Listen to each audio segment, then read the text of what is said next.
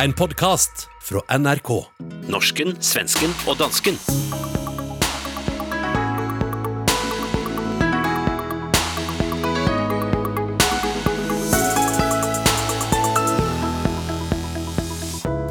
Står Danmark overfor et juridisk ragnarok?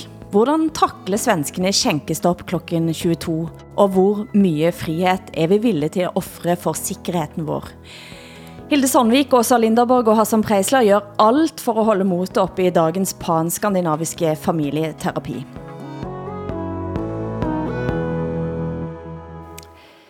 Hvert år sker det samme. Oktober blir november. Kaktusen min mor har i kælderen begynder at blomstre, og jeg tænker på Jøran Tunstrøms tyven, eller rettere sagt barn nummer 13 i familien Høk, den vanskapte Johan. Om han siges det, han var mørk som en novemberdag, han gråt og skjet uavbrudt. Og aldrig har vel det passet så godt som i år, eller hvad siger du, Tunstrøms landskvinde Åsa? Hvordan har du det? ja, det är ledsamt här nu, tycker jag. Det um, är väldigt, väldigt mycket virus överallt och dödstalen skjuter i höjden och folk börjar bli ja, rädda för varandra och mm. sådär. Denne uka så gik en av Sveriges mest kendte og folkekære skuespillere bort efter at have blivet smittet av covid-19. Hør her hans tolkning av Leonard Cohen-låten I'm Your Man. Men vill du ha en annan typ av man kan jag förändra mig. Vi kan vara vänner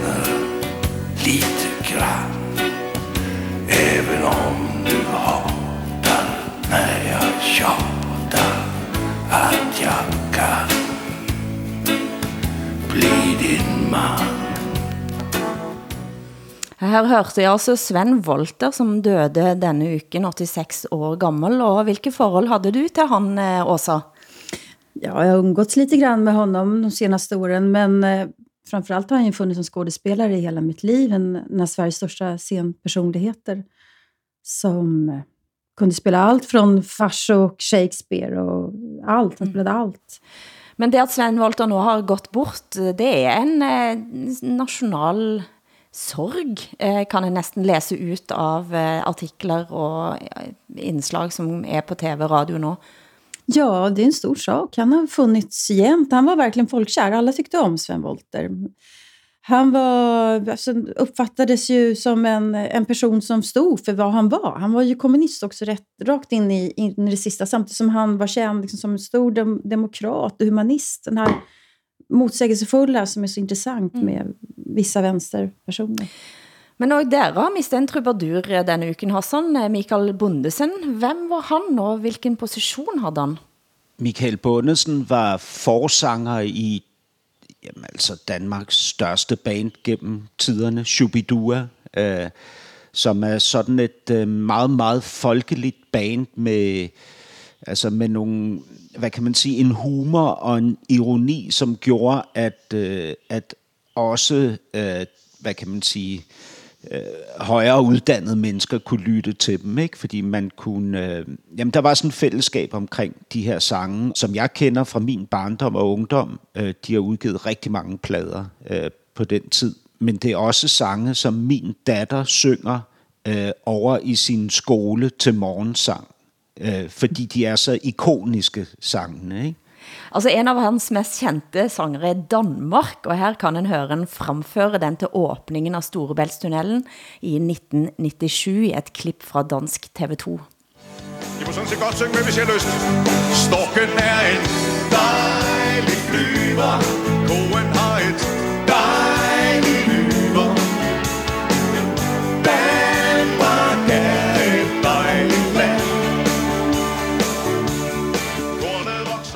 vokser Hornet vokser vildt på engen.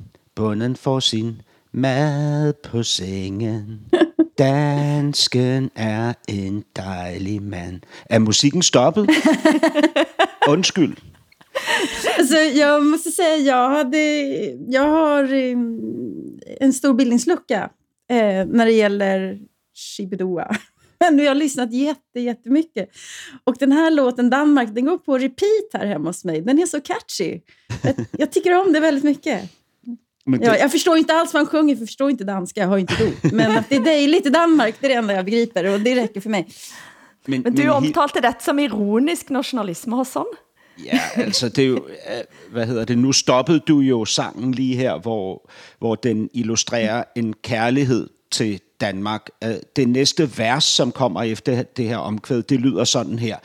Der findes andre mennesker end dem, der er danske. De bor i huler og slås hele dagen. Det har vi, al- det har vi lige godt aldrig nogensinde gjort. De varme lande er noget lort. Og, og hvad hedder det? Det var jo sådan en, det, det her vers, det var jo et vers, som uh, Generation Woke prøvede at få uh, uh, elimineret fra, fra sangen, ikke? Og fra sangbøgerne. Fordi det, er, fordi det kan opfattes øh, ikke ironisk, ikke? Og det er jo sjovt med den der ironi omkring det her, fordi det er jo den måde, som vi i Danmark kan dyrke vores nationalisme på, det er, at vi skjuler den bag et lag af ironi, ikke? Fordi øh, altså, når jeg har stået og sunget med på den her sang, så har jeg jo ironiseret over, hvor fantastisk der er i Danmark, og vi aldrig nogensinde har gjort, altså boet i huler og, slås, og, og været op og slås hele dagen. Men samtidig så har jeg det jo også lidt sådan. Ja. at i, da, i Danmark er vi lidt mere sofistikeret, og de, va- og de varme lande er noget lort. Men altså, han har også en sang, som heter Sexchikane, som har fått fornyet aktualitet de sidste månedene. Den kunne gått ret ind i de sidste ukers MeToo-hændelser i Danmark, og lad os høre et lite uddrag. Jeg fik et job på et postkontor Min chef var en dame, der lignede min men hun var flink og en rigtig makker. Og hun gav mig en hånd, når vi sorterede pakker. Men pludselig sagde hun, lad pakkerne ligge. Nu skal vi frankere, og du skal slikke. Det var en fredag aften, og det var meget sent. Og i retten sagde hun, det var venligt ment. Men det er du se,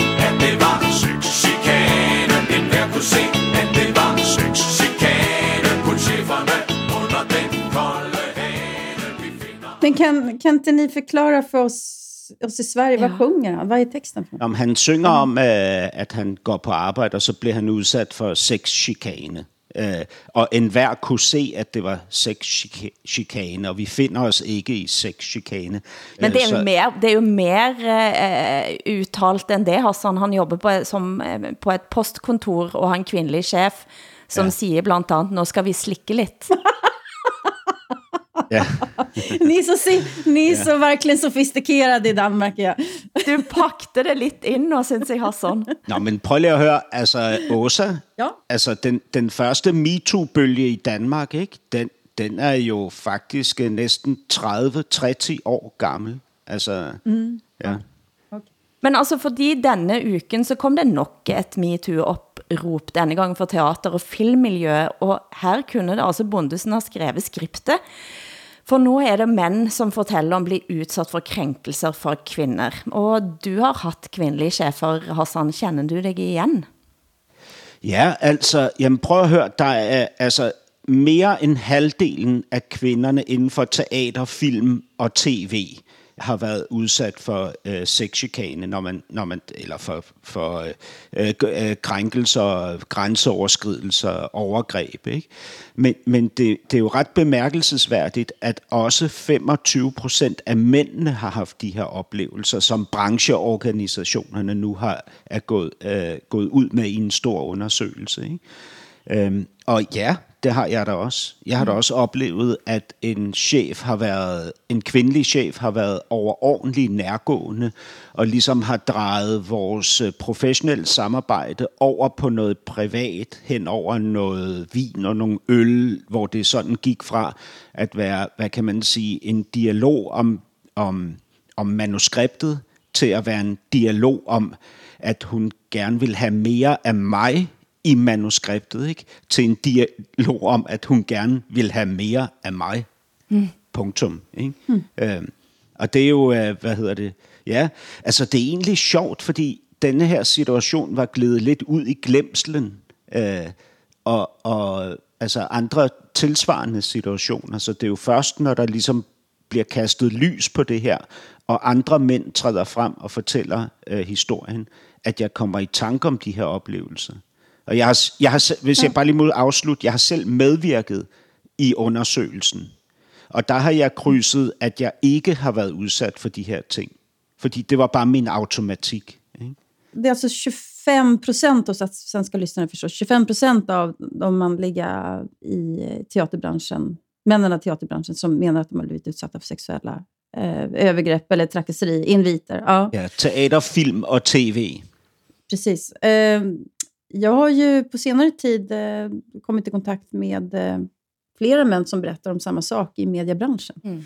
Eh, och faktiskt vänner också som har berättat, som först nu vå- vågar säga. Det jag tycker är intressant med Danmark, att ni hela tiden ligger lite steget före jämfört med vad Norge och Danmark har gjort. Eller Norge och Sverige har gjort. För vi hade inte den här diskussionen i, i Sverige överhuvudtaget. Och det hade ni inte i Norge heller. Men det är klart att det är, det är ett övergrepp oavsett om man är man eller kvinna. Det är makt det här handlar om. Ja, det handler om magt. Og, og, og så er det sjovt, ikke? Fordi jeg ved, øh, Åsa, at du, øh, ligesom jeg gør, interesserer dig meget for skambegrebet, ikke? Mm. Altså de forskere, som øh, analyserer på den her undersøgelse og resultatet mm. øh, af de her fortællinger, øh, eller de her oplevelser, som mændene har haft, de siger øh, alle sammen, at grunden til, at vi ikke får de her historier frem, er, at det er ekstremt skamfuldt for en mand mm. at fortælle øh, fortællingen mm. om, at han har været udsat for overgreb. Ikke? Det, Det är, och så, det, är skamfyllt, det är skamfyllt för kvinnor också, men för män så blir det inte alldeles särskilt. För att det, finns, det finns i alla fall i den svenska metoo-diskursen så finns det ett underliggande påstående ungefär att det är värre om en kvinna blir utsatt för någonting än om en man blir det. Och det kan jag inte förstå, för jag menar, en kropp är en kropp och en själ är en själ. Det spelar ju liksom ingen roll hur man ser ut mellan benen. men hus, det, ja, husker du, Hassan, eh, hvordan du reagerte den gangen? Jamen, det var en mærkelig blanding af, hvad kan man sige, en fornemmelse af, at, at vi var i et afhængighedsforhold, som gjorde, at jeg ikke kunne reagere frit. Ikke? Jeg, kunne ikke, jeg kunne ligesom ikke hvad hedder det, være mig selv i situationen. Jeg, jeg var det, som forventedes af mig, jeg skulle være. Altså mere imødekommende, end jeg havde lyst til. Ikke? Øhm, men der, der var jo også en besynderlig form for hvad kan man sige, stolthed over at, øh, at få den opmærksomhed øh, fra, fra den kvindelige chef. Ikke? Altså en, sådan en sær form for, jamen jeg følte mig som noget særligt, altså også efterfølgende. Ikke? Og, på, og, og på den måde, der tænkte jeg jo også, at altså i dagene efter, ikke? at jeg både havde en dårlig smag i munden, men også en fornemmelse af, at, at jeg havde øh, hvad, magten over chefen, ikke? Mm. fordi hun ville have noget. Även kvinnor kan ju, kan ju liksom bli stolta i situationen, att man faktiskt är åtrådd eller åtråvärd eller vad sådär. Men, men när du säger så att du var mer tillmötesgående, var det för att du var, än du hade tänkt i situationen? Var det därför att du var underordnad eller var det för att du var man? Så att du liksom tänkte att nu, det är ändå mannens uppgift att eh, ske- eh, bete sig på ett särskilt sätt i en sån här situation. Kvinnor har ju ändå på något sätt ett, annat, ett mer legitimt skäl att säga nej. Liksom. Ja. Men, Ja, men det er rigtigt. Jamen, det var nok begge dele. Ikke? Selvfølgelig er der jo et økonomisk, øh, øh, altså jobmæssigt afhængighedsforhold, mm. ikke? som ma- man jo altid tager hensyn til, ikke? når man så det var maktrelationen i grund och botten som... Ja, det var, det var det mest dominerende, det er helt sikkert. Mm. Ja. Det förstår jag. Jeg har et lite MeToo-relatert spørgsmål, som jeg gerne vil dere ha deres umiddelbare re- respons på. For denne uken så hadde Kristin Klemmet, leder av Tankesmien Civita og tidligere minister, og uttalt Danmarks elsker, en kronik på tryk i Aftenposten, der hun mener at dansk MeToo og skiller sig fra norsk og svensk, fordi at den har en mye tøffere mediekritik. Stemmer det, og i så fall hvorfor? Det är mitt intryck också. Om jag, jag, nu tog jag ordet från, från Hassan, Nej, kom bara. som, som är det, den, den stora auktoriteten på det här ämnet som, som är dansk. Men eh, jag läste också den texten i Aftenposten, det var intressant. Och eh, eh, det är mitt intryck när jag har varit i Danmark nu, att där har de en, en helt andra, flera, flera forum att prata om mediekritik till att börja med. Och media, eh, chefredaktörer kan sitta och kritisera varandra. Eh, publiceringar, det händer inte i Sverige. Det är väldigt ovanligt. Och, i, och väldigt sällan i Norge också, tror jag. Ja, det, det sitter i hvert fall langt inne. Det sker. Så med Trond Giske-saken så skedde det, men det tog väldigt lång tid. Det sitter långt inne. Men i Danmark så... Det är mer raka puckar skulle jag säga i Danmark. Och det är ju väldigt, det är väldigt bra. Hvad skyldes det i så fall, Hassan? Jamen, det sidder jeg og tænker over, mens vi taler om det. Jeg har også læst artiklen, øh, og, og jeg har jo egentlig betragtet det som noget naturligt, at medierne kritiserer hinanden. Altså, da øh, Ekstrabladet var involveret i en historie om øh, Carsten Lauritsen, øh, en tidligere minister, øh, der gik øh, chefredaktøren fra andre aviser ud og kritiserede direkte Ekstrabladet for mm. den form for aktivistisk journalistik, de havde bedrevet. Ikke? Mm. Det, det synes jeg er normalt. Altså, det oplever vi egentlig herhjemme. Også at journalist kan gøre det over for journalist, altså ikke kun chefredaktørerne, men at man har en kritisk debat omkring øh, mediernes øh, rolle i det her. Det, det synes jeg egentlig er en tradition. Jeg ved ikke, hvorfor det er sådan. Sist uke så drev vi Jørn her med DR, som ikke grejede at få ret navn på Åsa, og selv snubler jeg også til forveksler politiker netop Karsten Lauritsen, så valgte at bekende før han var tiltalt for noget med den norske rapperen Kjartan Lauritsen. Og jeg tænkte jo først at det var to helt forskellige verdener, men så begyndte jeg at høre på tekstene på hvad de to sa. Og her var det nogen påfaldende likheter. Døm selv. Det er jo selvfølgelig, altså har jeg opført mig upassende eller haft dårlig dømmekraft, og der har givetvis været nogle situationer, hvor det er tilfælde. Mm. Hvad kunne det være for nogle situationer? for Jamen eksempel? altså, det, det kunne være, at man har lagt an på nogen, øh, hvor det ikke var ønsket, der har været for meget alkohol. Åh herregud, jeg känner det i skrittet Det er torsdagsmorgen, men det i morgen Det skal klikke, klikke, klikke. Som ei klokke. Full og tida, den blir borte. Med ei jente opp på skrittet. Hun har ikke på seg skjorte. Jeg skal nå fortelle om Ja, til danske og svenske og norske lyttere, som ikke snakker flytende nynorsk, det Kjartan Lauritsen her siger er, og herregud, det kender det i skridtet, det er i morgen, det skal klikke med en jente op på skridt, og hun har ikke på sig skjorte. Jeg og mine venner skal nu fortælle om en ukentlig rutine, og så videre, og så videre. Kanskje denne Kjartan Lauritsen nu kan få en ny vår i Danmark efter MeToo? Hvad tror du, Hassan? Jeg ved det ikke, men jeg kan sige, at jeg er også forvirret, fordi nu nævnte jeg den her sag med Ekstrabladet og Carsten Lauritsen, men det var faktisk ikke Carsten Lauritsen. Det var en anden tidligere minister, som Ekstrabladet havde øh, overdrevet fokus på. Ikke? Øh, hvad hedder det? Carsten Lauritsen gik selv frem og fortalte sin historie som en anden rapper. Ikke? Men det siger jo bare noget om, at de her øh, historier, de kommer jo øh, dumpende ned dagligt i Danmark. Så det er, øh, det er svært at huske alting fra hinanden, synes jeg. Du hører norsken, svensken og dansken. Programmet blir sendt i Danmarks Radio, Sveriges Radio og Norsk Rikskringkasting.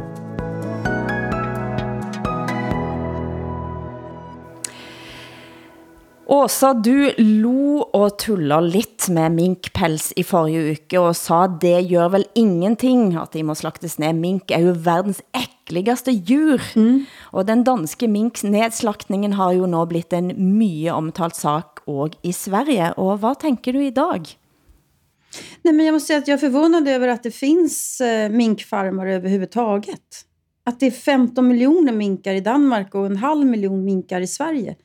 För mig är det en otidsenlig, gammaldags eh, industri. Jag, jag är faktiskt förvånad över att vi hade sådana stora verksamheter i, i Sverige. Jag, oas, alltså, det, jag tänker att vissa saker med corona kan ändå få positiva effekter. För jag tycker inte att vi ska ha den här typen av verksamhet. Med all respekt till det så vet jag nu att din bäste far hade minkfarm. Men eh, så här tänker jag i alla fall. Men, før forrige, men efter forrige sending så sendte du, Hassan, en länke til en reportage om to danske brødre og minkbønder, som havde fået livsverket sitt ødelagt. skrækkeligt. Det er hårdt. Og jeg vil sige, det her det, det, det er noget af det hårdeste i mit liv, jeg har prøvet. Og jeg, jeg synes ikke, det er værdigt på den måde, vi skal gøre på. Og det gik så hardt ut over den ene broren syke, at han forsvandt og sendte følgende afskeds-sms til familien. Farvel min ønske. Jeg var ikke så stærk som I. Vi ses igen, når I har, I har levet, I, I, vi levet på jeres liv. Og så sendte jeg en masse. Asbjørn, jeg elsker dig.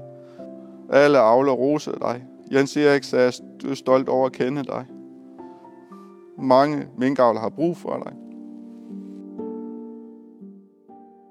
Broren blev heldigvis fundet i god behold, men det sætter en støk igen, når en ser hvilke skæbner som står igen efter den danske regeringens beslutning. Men denne uka så har det altså kommet frem også at Mette Fredriksens ordre om at utrydde den danske minkbestanden er ulovlig. Her er tidligere direktør for Institut for Menneskerettigheter Jonas Kristoffersen på Deadline på DR2. Nu skal vi tale om det juridiske omkring det her, sådan helt overordnet til start. Altså, det der foregår lige nu, altså med, med aflivende mink, og, og hvor man pålægger dem, altså, er det lovligt?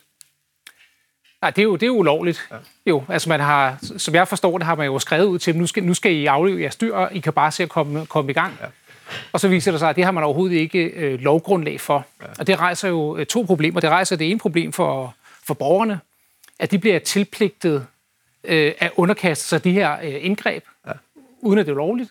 Og det rejser det problem for regeringen, at man jo heller ikke har hjemmel til at gøre det, og det vil sige, så har man heller ikke faktisk lovgrundlag for at betale regningen for at få det gjort.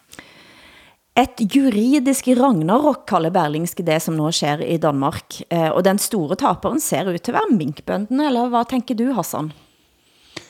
Men det er jo så sindssygt, det der foregår lige nu, fordi hverken øh, ministeriet eller styrelserne under ministeriet har ligesom stoppet sig selv i at komme med det her diktat til minkavlerne, som er ulovligt. Ikke? De må ikke beordre øh, avlerne til at slå deres raske mink ihjel. Øhm, og nu prøver man jo at få placeret det her ansvar, og bolden bliver kastet frem og tilbage mellem styrelsen og, og Statens Serum øh, Institut, øh, Fødevareministeren og statsministeren. Ikke? Mm. Og det, altså, det ser ret alvorligt ud, så til dit spørgsmål, om det er minkavlerne, der bliver ramt hårdest, så må jeg sige ja, men det kan faktisk også blive regeringen, der bliver ramt rigtig hårdt på det her område. Øh, og og øh, i hvert fald vil jeg sige, Fødevareminister Mogens Jensen øh, kommer ikke til at blive siddende. Altså det er, det er mit bud. Øh, hvad hedder det, oppositionen og støttepartierne vil kræve hans afgang. Altså her satt mange politikere, ja, også Nej, jag måste säga oavsett om man tycker att det är rätt eller fel med minkfarmar. Jag tycker att det är fel, men jag är helt, helt chockerad över hur man kan göra så här i Danmark. Alltså att det inte finns någon som vet hur lagen fungerar. Först beordra att, att, de ska ha, att man ska ha ihjäl alla minkar och sen, och sen plötsligt så var det olagligt att ge en sån order. Mm. Väldigt, väldigt rørigt og konstigt, faktisk. Det er helt tosset, altså helt tosset. Ja. Ikke? Men det er jo også, det der jo, det der jo også har besværligt gjort det, det er jo øh, de antipatier, der ligger i den regerende klasses forhold til mink. Ikke? Mm. Altså, der har vi jo ligesom på den ene side de her nordjyske minkavlere, som er glade for deres erhverv, øh, og som synes, de udfylder en vigtig rolle i den danske økonomi osv. Og på den anden side, der har vi så... Øh, hvad kan man sige, den politiske øh, elite og alle sangsære marxisterne, som, som jag, ja. Jag har ju haft minkpäls. som mener, at, at, at det er et, at det er et, et moralsk afskyeligt erhverv, og det skulle have været lukket for længe mm. siden. Ikke? Og det, det kommer jo til at tilsmuse diskussionen en lille smule. Nej, for det er langt fra Christiansborg til Nordjylland. Det er langt ut i provinsen, og når jeg læser en del av de uttalelsen som har kommet før, så får det jo mig til at tænke på ulvedebatten i Norge, eh, som sætter økologer i byen op mot eh, bønder eh, eh, ute på bygda og ute i kommunene. Og tror du at det har været medvirkende til, at man tog en så rask beslutning, eller var det frykten, som styrte Hassan? Ja, men det er svært, fordi Socialdemokratiet har jo sådan et narrativ om, at de er på udkant Danmarks side. Ikke? Så de, de fortæller os jo hele tiden historien om, at netop mink minkfarmerne er nogen, som de vil støtte og hjælpe og beskytte osv. Så, videre, ikke? så det, det, det er lidt mere komplekst end det, men det er klart, at når, når der står en politisk elite i København og ligesom har et udgangspunkt, som hedder, at øh, at minkavl er forkasteligt og forkert og sådan noget, så skal man måske se sig længe om efter den person, som vil stille sig op og forsvare det her, ikke? Den danske minknedslagtningen er blitt et tema også i Sverige, hvor statsepisotolog Karl Ståhl måtte på nyhedsmorgen forklare, hvorfor Sverige ikke har valgt at avlive sin minkbestand. Hør her. Mm, I Sverige har också, har också det muterade viruset hittats och en dansk forskare uppmanar nu även Sverige att avliva alla sina minkar. Vi har nu med oss Karl Ståhl som är tillförordnad statsepisotolog. God morgon. God morgon. Lite krånglig titel där, men har vi förstått saken rätt om vi säger djurens Tegnell? Ja, det kan man väl säga kanske. Ja, bra. Du, I morse så läste vi en tidning eh, att en dansk professor i mikrobiologi menar att Danmark riskerar att bli det nya Wuhan. Hur illa är läget i landet? Danmark har eh, haft en situation sedan juni där coronaviruset sprids hos minkar. Och de har gjort mycket för att försöka stoppa det men inte lyckats utan det fortsätter att sprida sig. Och de har väldigt, väldigt mycket minkar i Danmark. Mm. Världens största producent tillsammans med Kina. 17 miljoner har vi hört den siffran. Eh, att man nu har tagit beslut att avliva samtliga. Hur, hur reagerar du på det? Nej, det är ju drastiska åtgärder. Her ser vi det igen en klar forskel mellem landene våre i hvor stort handlingsrum de politiske lederne har. Mm. Og også kunne Stefan Löfven ha gått ut og besluttet en lignende nedstenging av en næring over natten. Og det snakker ikke bare juridisk, men like mye politisk og kulturelt. Nej, det tror jag hade varit helt omöjligt. Men eh, Alltså vad jag har fattat med den svenska situationen så inväntar man till eh, om ett par veckor i november för att då ska man göra det som är själva pälsningen. Och då kommer 80 procent av minkarna ändå att försvinna för att bli päls, vad jag förstår. Mm. Så att det är ju ändå en naturlig slakt, eller man ska säga en planenlig slakt. Då är frågan om man ska göra de här resten av de här 20 procenten då, om man ska fortsätta med verksamheten. Det är, jag vet inte, men Vänsterpartiet och Miljöpartiet går ju nu ut och kräver att man ska stänga ner alla minkfarmar överhuvudtaget. Och det är klart mm. att det finns ju de som utnyttjar det för att man inte tycker att det är rätt med päls och sådär. Eh, mm. Men ja. Altså, det er jo et enormt indgreb i livet til mange mennesker, og en statsminister med vige fuldmagter til at handle, og da er kanskje ikke det svenske ekspertvælde, som vi har snakket så mye om, alltid å forakte. Men jeg var jo lidt skeptisk i forrige uke, Hassan. Jeg vet ikke om du husker det. Eh, du reagerte på, på mine, nogle af mine spørgsmål, og hvorfor gjorde du det? Ja, jeg, jeg, jeg har tænkt over det siden. Altså, jeg, jeg må jo sige, at øh, altså, når vi ser på udviklingen herhjemme, ikke, så burde du være statsminister i Danmark, og ikke jeg eller Mette Frederiksen. Ikke? øh, fordi man skal man skal kunne trække vejret, man skal kunne bevare roen, man skal ikke øhm, øh, øh, lade sig alarmisere øh, hele tiden, gang på gang. Ikke? Øh, altså jeg, personligt så har jeg jo nok den tendens, at jeg ligesom læner mig op imod katastrofen, hvis jeg kan se, den kommer øh, af forskellige årsager. Det er selvfølgelig, fordi jeg tænker, øh, den bedste måde at, øh, at gribe ind over for den potentielle katastrofe, det er at forudse den. Ikke? Men det er jo også, fordi jeg rent personligt tiltrækkes af det dramatiske. Ikke? Mm. Altså, øh, så, så det er jo super godt, at jeg ikke er statsminister, fordi jeg havde gjort, som Mette Frederiksen gjorde. Mm. Ikke? Og det var tydeligvis alt for voldsomt. Ikke? Mm. Nej, for jeg har tænkt mye på det dette den sidste uken. Hvor mye frihet er jeg villig til at offre for at føle mig trygg? Det er satt helt på spidsen i øjeblikket udvikles det en politisk kultur, der rammene for at være kritisk kjennes som om de snevres ind. Eh, jeg kendte lidt på det forrige helg, for da var jeg på nyhedskanalen på TV2 og kom til at sige, at jeg trænger ikke længere at se assisterende helsedirektør Espen Nokstad på forsiden med bekymret rynke i panden. Giv mig fakta og ikke følelser. Det at jeg sa det var nok til at få professor i anvendt matematik Kristoffer Rypdal til at gripe til tastaturet og anklage mig for at være for lite skræmt. Og sådan jeg tolker han, altså for at bagatellisere krisen. hvor stort er egentlig rummet nå for at være afventende i Danmark og Sverige? Hvad betyder afventende? Tålmodig. Aha, mm. tålmodig, og, men altså for, min, for min egen del så kender jeg, at når folkehelsemyndighetene går ut og siger, at nu skal de spille på følelser, så sætter jeg armene i kryds, læner mig tilbage og siger, giv mig fakta.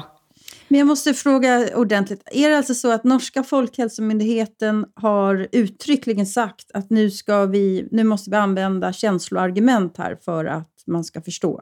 Problemet. Ja, det kom frem i et skriv som Helsedirektoratet sendte til helseminister Bent Høie, som Aftenposten fik tak i. Og der står det altså, citat, Vi vil i højere grad appellere til følelser og vise, hvilke konsekvenser våre handlinger kan få for våre og andres nærmeste. Budskap som berører dig personligt har ofte stærkere virkning end generell faktainformation, selv om det også er vigtigt. Men Jamen, altså prøv at høre, vi, vi har jo det samme i Danmark, ikke? Vi har jo en regering, som ligesom spiller på følelserne, altså en statsminister, som taler til vores bekymring og vores frygt, øh, vores angst, ikke? Det er der jo ingen tvivl om, det har vi jo set øh, tydeligt nu igennem øh, et halvt år minimum. Men mm. vi har jo også sundhedsmyndigheder i Danmark. Hvis øh, direktør har stillet, Søren Brostrøm har stillet sig frem og sagt, dengang de skulle øh, HPV-vaccinere øh, danskerne, der havde de et problem, fordi de havde ikke overbevist befolkningen, og det havde de ikke gjort, fordi narrativet ikke var stærkt nok, ikke? og personligheden ikke var dominerende øh, nok. Ikke? Så det er jo helt klart en viden, som øh, de, den danske sundhedsstyrelse har taget med sig ind i corona, det er, vi skal have en stærk person, som stiller sig frem med sin menneskelighed, og vi skal have et stærkt narrativ. Ikke? Sådan kan vi få folk, befolkningen til at bakke op omkring strategien. Nej, men jag tänker om jag jämför då med, med Sverige så har ju vi haft, som vi har pratat om här hela tiden, då, mer expertvälde då kan man säga.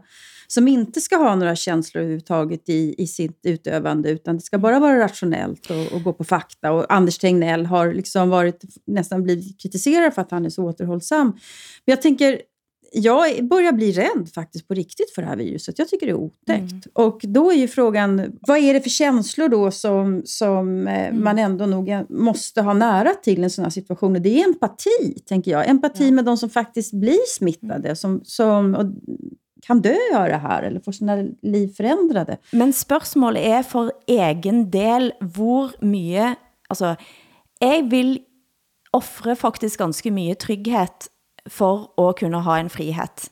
Jeg vil, heller være, jeg vil være redd, og jeg vil være fri. Jeg vil heller være redd og fri, end, end, end ufri og trygg. Jo, men jag tycker det här frihetsbegreppet, det blir så, det blir så abstrakt på något sätt. Eh, om vi, jag önskar ju att man kunde lita på alla människor, men i Sverige så kan man helt uppenbart inte mm. det. Och det tror jag inte man kan någonstans, eftersom vi trängs, eh, det är fullt i kollektivtrafiken, det är fullt på krogarna. Och jag har ju hittills levt ungefär som vanligt, med skillnad att jag inte kan gå till min, till min arbetsplats, utan mm. jag måste jobba hemifrån på Aftonbladet. Men, men nu känner jag att den här smittan är fan bortom kontroll. Mm. Och då, då vet inte jag vad ordet frihet betyder längre, ifall det handlar om att som det är dödligt till mm. det här. Ja, altså, å, åbenbart dødelig. Eh, samtidig så er det også en, eh, altså, det, sandsynlighedsberegningen er, at det er veldig mye i livene våre, som er ganske farlig. Og da er spørgsmålet på sikt, så tænker jeg, hvor mye utrygghet kan man tolerere og leve med? På sikt. Men vad, på vilket sätt känner du dig otrygg? Vad är det du inte får göra som gör att du känner dig otrygg? Nej, men altså, eh, når en hører studenter, utenlandsstudenter, som har slåst sig igennem for at komme hjem til sine egne forældre eh, i jul, mm. eh, når man eh, går ind og griper ind, som Bergen Kommune har gjort ind i, hvor mange som har lov til at, at samles, for eksempel i en julemiddag, det skal være maks fem personer, når, når tre eh, brødre eh, av en far, som ligger for døden, får besked om at eh, en av de ikke får lov til at være med sin far på dødsleje, mm. så griper det ind i nogle helt Ja, grundlæggende ting i livene våre. Det holder jeg med. Det holder jeg møt, verkligen med. møte den kæreste du har. Eh, altså, jeg tænker på de, som er ensomme, som, som sitter ensomme, som dør alene nå. Eh, Mm. hvis jeg havde låget på sykeheim, eh, og vidste at jeg havde kort tid igjen at leve, så ville jeg heller ha levd lidt mere utrygt for at kunne møte mine elskede. Eh, ja. Men det er jo klart, jo mere tilspidset konflikten eller katastrofen er, jo mere tilspidset den er, øh, jo mindre spillerum er der til kritik, altså protester og så videre. Mm. Og jo mere vil man anvende sig af de øh, emotionelle redskaber til at få befolkningen til at gå samlet. Mm. Ikke? Og det er jo også ekstremt effektivt. Ikke? Altså, se på Churchill. Ikke? Altså, øh, og, at der var øh, om nogen et menneske, der spillede på narrativer og følelser øh, igennem hele forløbet, og med ekstremt stor effekt. Ikke? Altså, øh, at, at forestille sig, at vi i Danmark skulle have en fuldstændig iskold øh, statsminister, som bar os igennem det, det her, uden på noget tidspunkt at spille på følelserne eller manipulere med kollektivet. Det synes jeg også er, er utænkeligt. Altså, mm. men, men det er jo det er jo et skæringspunkt ikke hele tiden, fordi øh, altså, når, når, når angsten dominerer, så bliver de kris- kritiske stemmer farlige. Mm. Ikke? Altså, og, og jo mere angst man er kollektivt, jo mere farlige bliver de kritiske stemmer. Ikke? Og det er, jo, det er jo den glidebane, vi helst ikke vil ud på. Ikke? Nej, men vad jag tänker är att de här munskydden, som jag inte går runt med då, men eh, som ni har i Danmark till exempel, kanske Norge också. De är, de, för mig blir de som symboliska över den ångest som finns överhuvudtaget i hela världen i alla frågor. Vi är rädda för varandra. Eh, länder är rädda för varandra, svarta vita är rädda för varandra, män och kvinnor är rädda för varandra. Eh, eliten är rädd för folket och folket föraktar eh, och, och så vidare. Eh, det, blir, det blir så symboliskt med, med det här munskyddet också. Så, så där kan jag ju säga att jag vill också, precis som Hilde, gå emot den här auktoritära alarmismen och, och eh, känslostormarna som nu ska piskas upp i ytterligare skammen. en fråga. Och skammen, det håller, jag, håller, jag håller helt med om det. Men jag tänker ändå att jag tycker att det är svårt att laborera med ord som frihet när det gäller ett virus som, som sprider sig över hela världen med en sån hastighet nu så att det, så att det är fan fruktansvärt. Men det som, i det øjeblik jeg bruger et ord som frihet, så kan man se for sig, at det raver rundt, altså som en eh, foliehatt eh, på Karl Johan, eh, som eh, her repræsentert ved en av dem, Norges Jane Fonda, tidligere TV-aerobic-instruktør, nå influencer, Kari Jakkesson. Dette blev en snakkes denne uken med Insta-video, der hun går altså rundt og ironiserer til sine følgere over denne hoaxen covid-19. Hør her. Ny rapport fra hovedstaden. Her ligger det folk strødd døde i gatene. Og alt er bare helt grusomt. Vi har en forferdelig, forferdelig pandemi som merkelig nok ingen vet at de er smittet av før de blir testet. Det er helt fantastisk. Ja da, dette er en pandemi. Så han fyren foran meg ler. Du er enig, ikke sant? Det her er bullshit. Psycho. Folk går med maske på gaten. Ikke han som jeg nettopp snakket Jeg skal ikke filme deg, altså. Ikke han jeg nettopp snakket med, men han er helt enig. Alle er enig. Til og med de som går med maske, er stort sett enige om at det her er pure effing bullshit. Altså, dette er jo et slags ravende galskap, eh, men det jeg savner er kanskje et standpunkt, et meningsrum, en debatt om nogle av de mest indgripende tiltakene i livene våre. Eh, og så er det sådan, hvor raskt blir man ikke dyttet i den retningen, eh, hvis man i det hele taget bruger et ord som frihet? Det er vanskelig, synes jeg. Ja. Jag tycker alltid att ordet frihet är vanskligt att förstå. Mm. Det är alltid eh, töj, töjbart eller... Men Ja, samtidig altså- så, er- ja, ja, Ja, jeg, har det, jeg, jeg tænker det samme som Åsa gør. Det er et meget diffust begreb. Mm. Ikke? Uh, hvad hedder det? Vi har en tilsvarende person i Danmark. Maj Mannicke hedder hun. Hun er smykkedesigner. Hendes mor er læge, og de to er aktivistiske på den fløj, som siger, at uh, corona er et stort hoax, ikke? Mm. og at regeringen misbruger situationen. Og jeg synes også, det vi jo også ser, det er, at nye kollektiver opstår under, under øh, coronaen på det her porøse fundament. Ikke? Jeg tror ikke, at vi i Danmark havde haft øh, øh Black Lives Matters på, på det niveau, vi havde. Jeg tror heller ikke, vi havde haft MeToo på det niveau, vi havde, hvis vi ikke alle sammen stod med en fornemmelse af, at tingene er ekstremt shaky lige nu, og derfor er der mulighed for at bryde ind igennem med sine egne agendaer for en bedre fremtid. Ikke? Mm. Øhm, og jeg synes også... Jag, ja, undskyld. Ja. Nej, jag, det var jag som avbröt. Men det jag tycker är så tråkigt, alltså den svenska linjen har ju gått ut på att man kan lita på människor. Det tycker jag har varit, om man, om man ska prata om frihet då, så, så har det varit någon, en fin liberal idé som jag har stöttat också. Att man kan lita på folk, att man sköter sig, tvättar händerna, inte trängs, mm. beter sig för att inte smitta andra. Och det är väl det som har fått mig, en, jag har fått en knäck i den idén, upp, uppfattningen, människosynen sista tiden, att man kan inte lita på folk, verkar det som. Nei, for altså, jeg må indrømme, at jeg jo liker det lidt, når eh, svenskene stritter mot tiltak vi i Danmark og Norge for mm. længst har indordnet Så denne uken varsler Stefan Löfven, at utesteder skal stänge klokken 22. Sådan hørtes dette ut. Regeringen försöker stoppa en andra våg av covid-19 och hur detta ska ske berättade statsminister Stefan Löfven om under onsdags eftermiddagen. I det läge där vi är nu så bedömer regeringen att vi behöver fler åtgärder för att hejda smittspridningen. Därför så blir försäljning av alkohol förbjudet efter klockan 22 och det är enligt ett förslag som regeringen remitterar nu idag och det är tänkt att börja gälla från och med den 20 november. Hur ser ni på risken för att hemmafester kanske ökar nu och trängsel på Systembolaget? Kan man ha längre öppettider där till exempel? Det, det är därför det är så viktigt nu att alltså uppmaningar, vi måste alla tänka till. Så om man tror att eh, ja, jag kan inte sitta till 22.30 men låt oss samlas hemma hos mig 20 stycken eller 25 stycken istället. Det är omdömeslöst. Det, dette er, var eh, sådan det hørtes ut på Expressen TV, og hvordan reagerte svenskene også? Jag tror att eh, de flesta av oss nu börjar tycka att vi, man måste på något sätt eh, göra någonting. Mm. Och, eh, det är väl också det att det är mest unga människor som är på krogen efter klockan 22. Så att det är en ganska eh, specifik grupp som drabbas av det här. Det är väl inte så farligt, tror jag, man tänker. De bästa festerna är ju alltid länge för 22, är min erfaring. Absolut. Og de er hjemme hos mig også, kan jeg sige. Jeg kan ikke, jeg kan ikke, huske, jeg kan ikke huske noget af det, jeg oplever efter klokken 22 alligevel.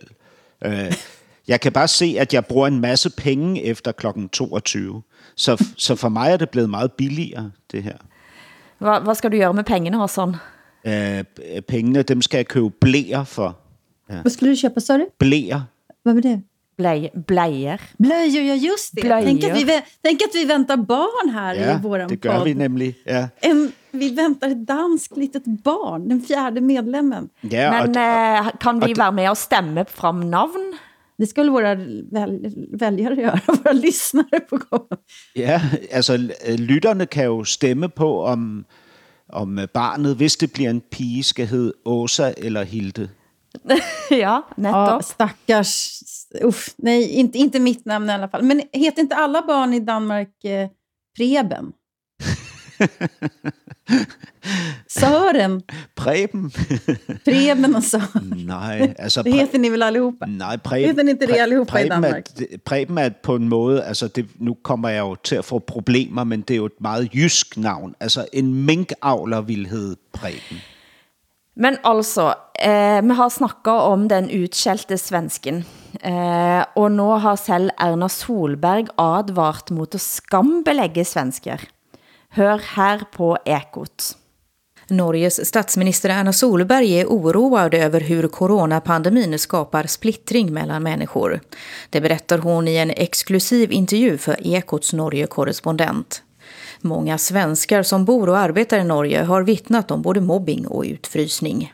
Det synes jeg er bekymringsfuldt. Jeg synes det er bekymringsfuldt hvis det er sånn at man i, eh, rundt omkring i Norge eh, oppfører seg eh, dårligt. Nå også blev du glad da du hørte Solberg? Ja, men det var så skönt. Jag började nästan gråta av glädje. Nu blev Erna Solberg även min statsminister, känner jag, som eh, försvarar även min rätt att vara en människa i norska ögon. Er hun din statsminister også, Hassan? Ja, øh, altså om Erna Solberg øh, også skulle være min. Altså prøv at høre, lige nu i Danmark, så står vi et sted øh, mellem nogle høringer, hvor en ny epidemilov skal vedtages. Ikke? Mm.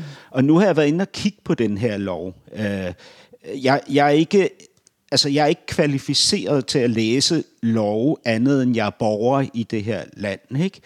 Og altså det er, jeg, jeg synes det er voldsomt bekymrende at læse det her de her ting, ikke? At, at man selv og ens familie kan blive tvangsvaccineret øh, med den nye lov. Hvis man nægter at blive testet, så kan man blive hentet og tvunget i isolation, eventuelt på en militærbase. Man vil blive udelukket fra samfundet, hvis man nægter at blive testet og vaccineret. Og staten skal kunne sælge din private ejendom, hvis du nægter at blive testet eller vaccineret. Men det är ju fruktansvärda åtgärder. Ja, og så gælder I den... demokrati, är det sant? Ja, og så gælder den her epidemilov ikke kun corona, altså covid-19, coronaepidemien, den gælder alle fremtidige epidemier. Ikke? Men herregud. og, ja, og det der er det vilde, det er, at det bliver en politisk beslutning, om en ny sygdom i fremtiden er samfundskritisk. Ikke? Øh, og, og altså, når jeg læser det her, ikke, så tænker jeg, kom med Erna Solberg i en fart, fordi det her, det er på vej ud over kanten. Du hører norsken, svensken og dansken i SR, DR og NRK.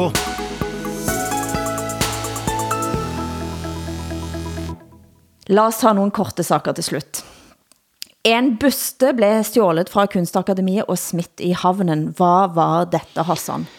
Jamen, det er en buste over øh, kong Frederik den 5., som øh, jo var øh, konge under øh, slaveriet, eller under den danske slavehandel, øh, men som også grundlagde det danske øh, kunstakademi og placerede det på Charlottenborg, som er en stor, flot øh, bygning øh, i det centrale København. Han, øh, han var jo, øh, hvad hedder det, en konge, som man med nutidens briller kan sige finansierede kunsten og øh, byggeriet og så videre med nogle penge, som kom fra øh, stærkt amoralske kilder, ikke? Øh, øh, altså fra et stærkt amoralsk udspring, ikke? altså slaveriet og slavehandlen. Og, og derfor så er der så en gruppe aktivistiske studerende, tror man, på Kunstakademiet, som har skruet den her buste løs og båret den ned i havnen og smidt den øh, i vandet. Og det er den så blevet ødelagt. Altså, af, og dette var et original, dette var et original uh, værk, uh, som lå til grund for statuen på Amalienborg, sant? Jo, det er rigtigt.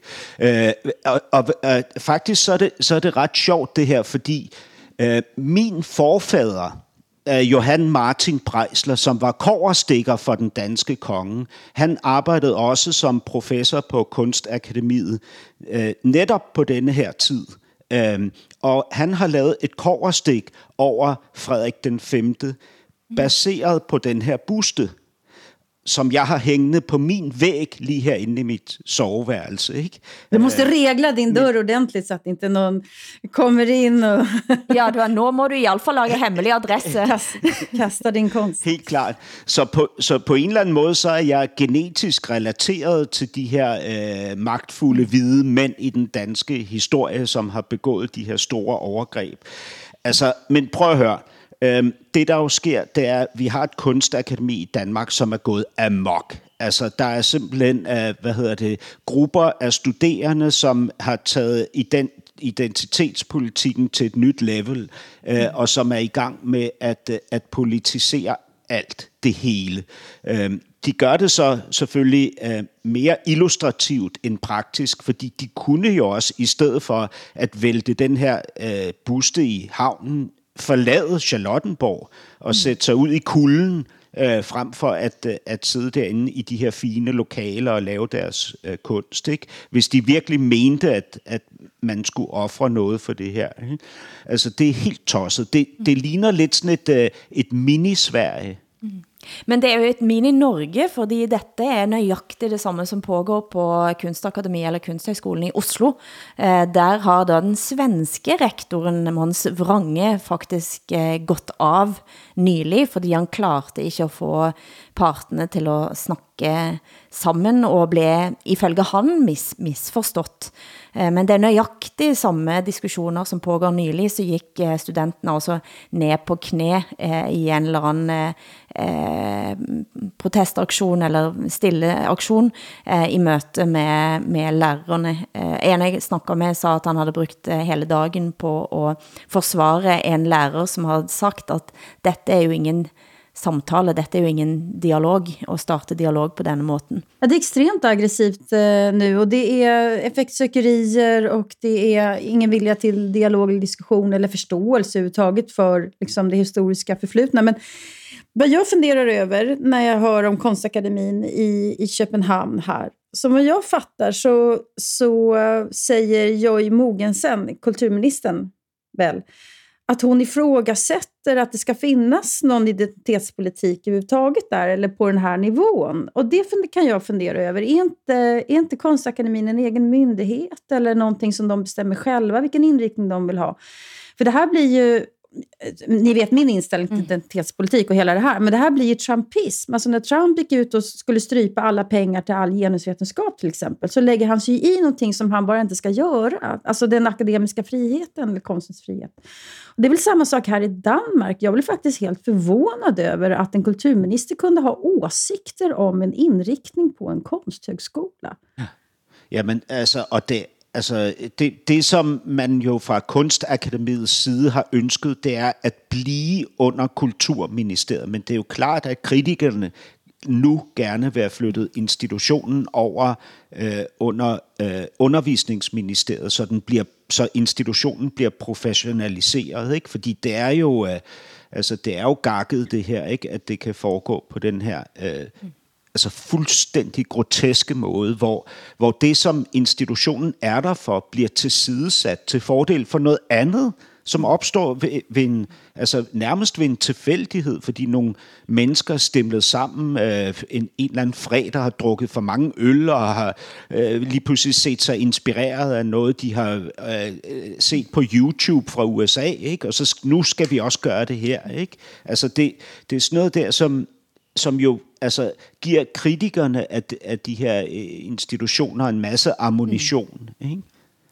Du også har sagt at eh, i Sverige så har man ikke dette statuerivingen og sådan, men det jeg kom til at tænke på er, er selvfølgelig The Square, som nå for øvrig kan ses på NRK-playeren til alle nordmænd, bare sige løp og se, eh, som starter med at netop rytterstatuen av den svensk-norske kongen Karl Johan blir revet ned for at blive erstattet med kunstverket, mm. dette vi har snakket om i hele sendingen, The Square, altså tilliten. Mm. I Norge blev det gjort et stort nummer ut at Joe Biden valgte at avslutte sin første store politiske event efter at han blev valgt med denne slageren laget av norske Kygo.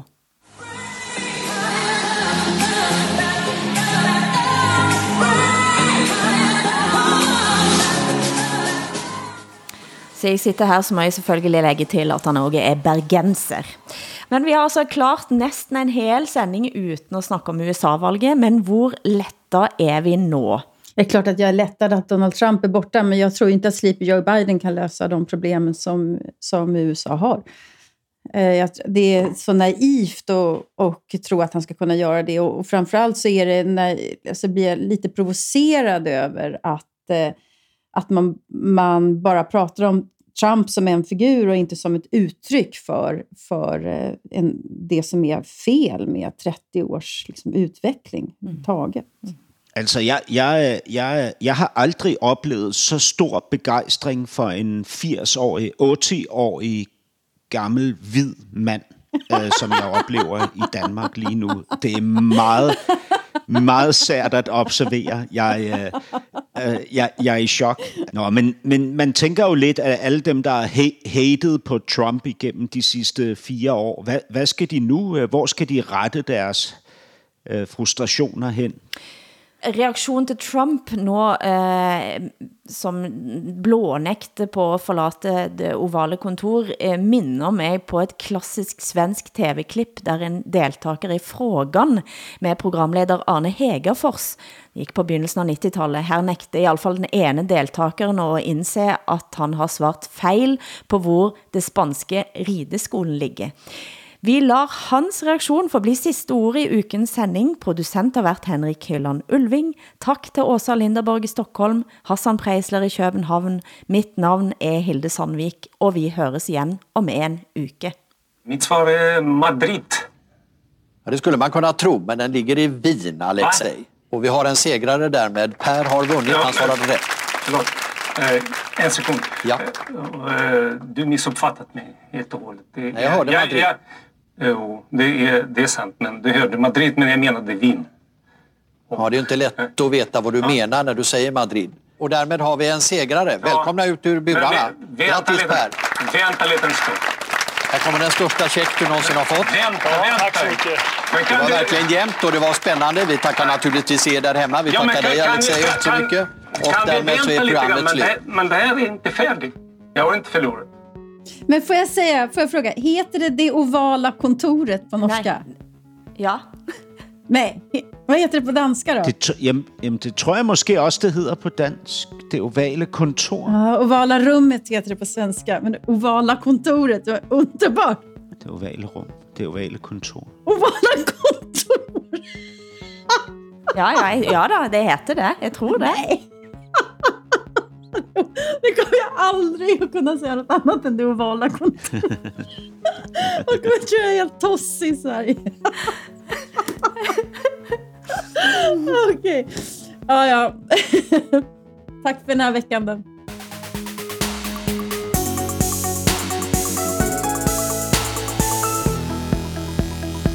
Du har hørt en podcast fra NRK. Hør flere podkaster og din favorittkanal i appen NRK Radio.